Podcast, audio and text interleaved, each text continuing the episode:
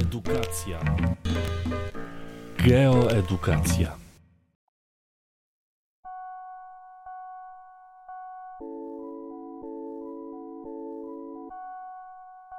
Witam Was w specjalnej serii odcinków, które będą poświęcone zagadnieniu obliczania wysokości górowania Słońca. Dzisiaj powiemy sobie króciutko o samych wzorach, a w kolejnych częściach będziemy rozwiązywać przykładowe zadania. Rysunek, który tutaj widzicie, przedstawia nam jeden z charakterystycznych dni, dla których możemy obliczyć wysokość górowania Słońca. Możemy to zrobić tylko dla czterech dni w roku. Dwa z nich to są dni równonocy wiosennej i jesiennej. Kolejny dzień to będzie przesilenie letnie i ostatni to przesilenie zimowe. Rysunek, który tutaj widzicie, przedstawia oświetlenie Ziemi w dniu 21 marca lub 23 września. Łatwo to poznać po kilku elementach. Po pierwsze, widzimy, że promienie słoneczne padają pod kątem prostym na równiku. Po drugie, widzimy, że granica pomiędzy dniem a nocą pokrywa się z osią ziemską. Po trzecie, widzimy, że każdy z równoleżników znajduje się po połowie, po stronie dnia i połowa po stronie nocy. A więc na każdym z nich dzień i noc trwają po 12 godzin. Słońce tego dnia góruje w zenicie na równiku. W zenicie, czyli pod kątem 90 stopni. Jeżeli oddalę się od równika na północ o 2 stopnie, to Słońce będzie niżej również o 2 stopnie. Jeżeli oddalę się na południe o 5 stopni, to również Słońce będzie niżej o 5 stopni.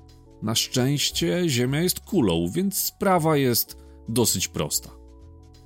A więc, jeżeli od równika oddalę się o dowolną szerokość geograficzną, to właśnie Słońce będzie niżej o wartość tej szerokości geograficznej.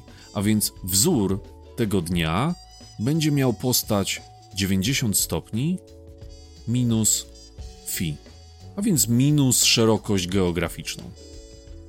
Ziemia jest oświetlona porówno, półkula północna i południowa są oświetlone tak samo, a więc jeden wzór będzie dotyczył obu półkul. Sprawa się nieco komplikuje, kiedy zaczynamy rozmawiać o dniach przesileń. Wtedy już Ziemia nie jest oświetlona równomiernie. Ten rysunek przedstawia nam oświetlenie Ziemi w dniu 22 czerwca. Skąd o tym wiem? Po pierwsze, widzę, że promienie słoneczne padają pod kątem prostym na zwrotnik raka. Drugim elementem będzie nierównomierna długość dnia i nocy. Na półkuli północnej dzień jest dłuższy. Równik, zresztą tak jak każdego dnia w roku, jest podzielony idealnie porówno pomiędzy dzień i noc, ale już w każdej szerokości geograficznej znajdującej się na północ od równika, dzień jest dłuższy od nocy. Taka sytuacja ma miejsce w Polsce właśnie w okresie letnim. Dodatkowo to, co widać, to fakt, że za kołem podbiegunowym północnym występuje zjawisko dnia polarnego, natomiast za kołem podbiegunowym południowym występuje zjawisko nocy polarnej. To wszystko są elementy, które świadczą nam o tym, że jest to właśnie 22 czerwca. Jakie tego dnia będą obowiązywać nas wzory? Przede wszystkim będzie osobny wzór dla półkuli północnej, a osobny dla półkuli południowej. Ziemia nie jest oświetlona równomiernie, więc muszę tutaj troszeczkę zróżnicować te wzory.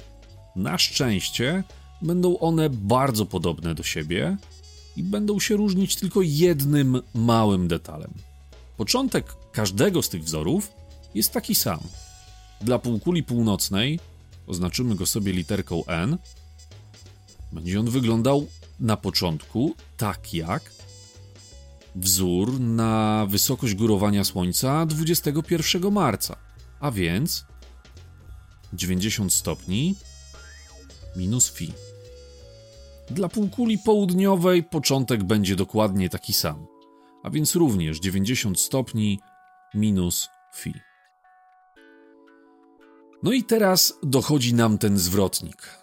Skoro Słońce góruje w zenicie na zwrotniku, to na pewno musimy go uwzględnić w naszych obliczeniach, a więc na pewno w obu wzorach on się musi pojawić. 23 stopnie, 26 minut. 23 stopnie, 26 minut. No i teraz musi tam się pojawić jakiś znak. Zadajmy sobie bardzo proste pytanie. Słońce w lecie w Polsce znajduje się wyżej czy niżej niż w zimie? Każdy z nas pewnie obserwował taką sytuację przynajmniej kilka razy w swoim życiu, a więc pewnie odpowiedź na to pytanie brzmi wyżej. Tak, słońce w lecie jest wyżej. No i teraz musimy tutaj wstawić jakiś znak, który da nam wyższą wartość. Mamy do wyboru plus albo minus, bo to nie są skomplikowane wzory, więc oczywiście w przypadku półkuli północnej i 22 czerwca stawiamy tutaj plus. Dla półkuli południowej? No, znak musi być odwrotny, bo i półkula południowa jest odwrotnie oświetlona w stosunku do północnej, a więc będzie to minus. Ostatni wzór, który nam został, dotyczy 22 grudnia. Ziemia oświetlona jest wtedy oczywiście odwrotnie w stosunku do lata, a więc promienie słoneczne padają pod kątem prostym nie na zwrotnik raka, a na zwrotnik koziorożca. Dzień polarny występuje wtedy wokół bieguna południowego, natomiast noc polarna występuje za kołem podbiegunowym północnym. Równik, tak jak widzicie, oczywiście znowu ma dzień równą nocy, wszędzie występuje po 12 godzin, natomiast długość dnia rośnie w kierunku południowym. Na półkuli północnej z kolei mamy sytuację odwrotną, a więc długość dnia w kierunku biegunów maleje, no i dzień jest krótszy od nocy. Jeżeli kojarzymy sobie, że ten rysunek jest odwrotny w porównaniu do 22 czerwca, to w takim razie również i wzory na obliczanie wysokości górowania Słońca powinny być odwrotne. I tak faktycznie jest. Dla półkuli północnej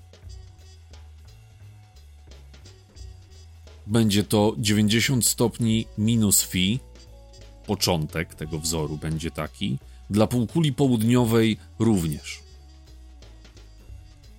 Ponieważ Słońce góruje na zwrotniku, to ponownie ten zwrotnik powinniśmy w naszym wzorze umieścić. 23 stopnie i 26 minut. No i ta sama wartość oczywiście dla półkuli południowej 23 stopnie 26 minut. To jest grudzień.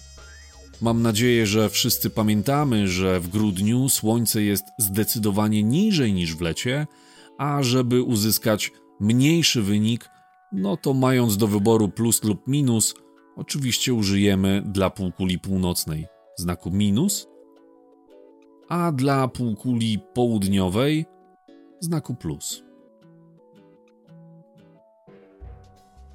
Zróbmy teraz szybkie podsumowanie. Dla 21 marca i 23 września, gdzie Ziemia jest oświetlona równomiernie, mamy tylko jeden wzór. Wysokość górowania Słońca to jest 90 stopni minus phi.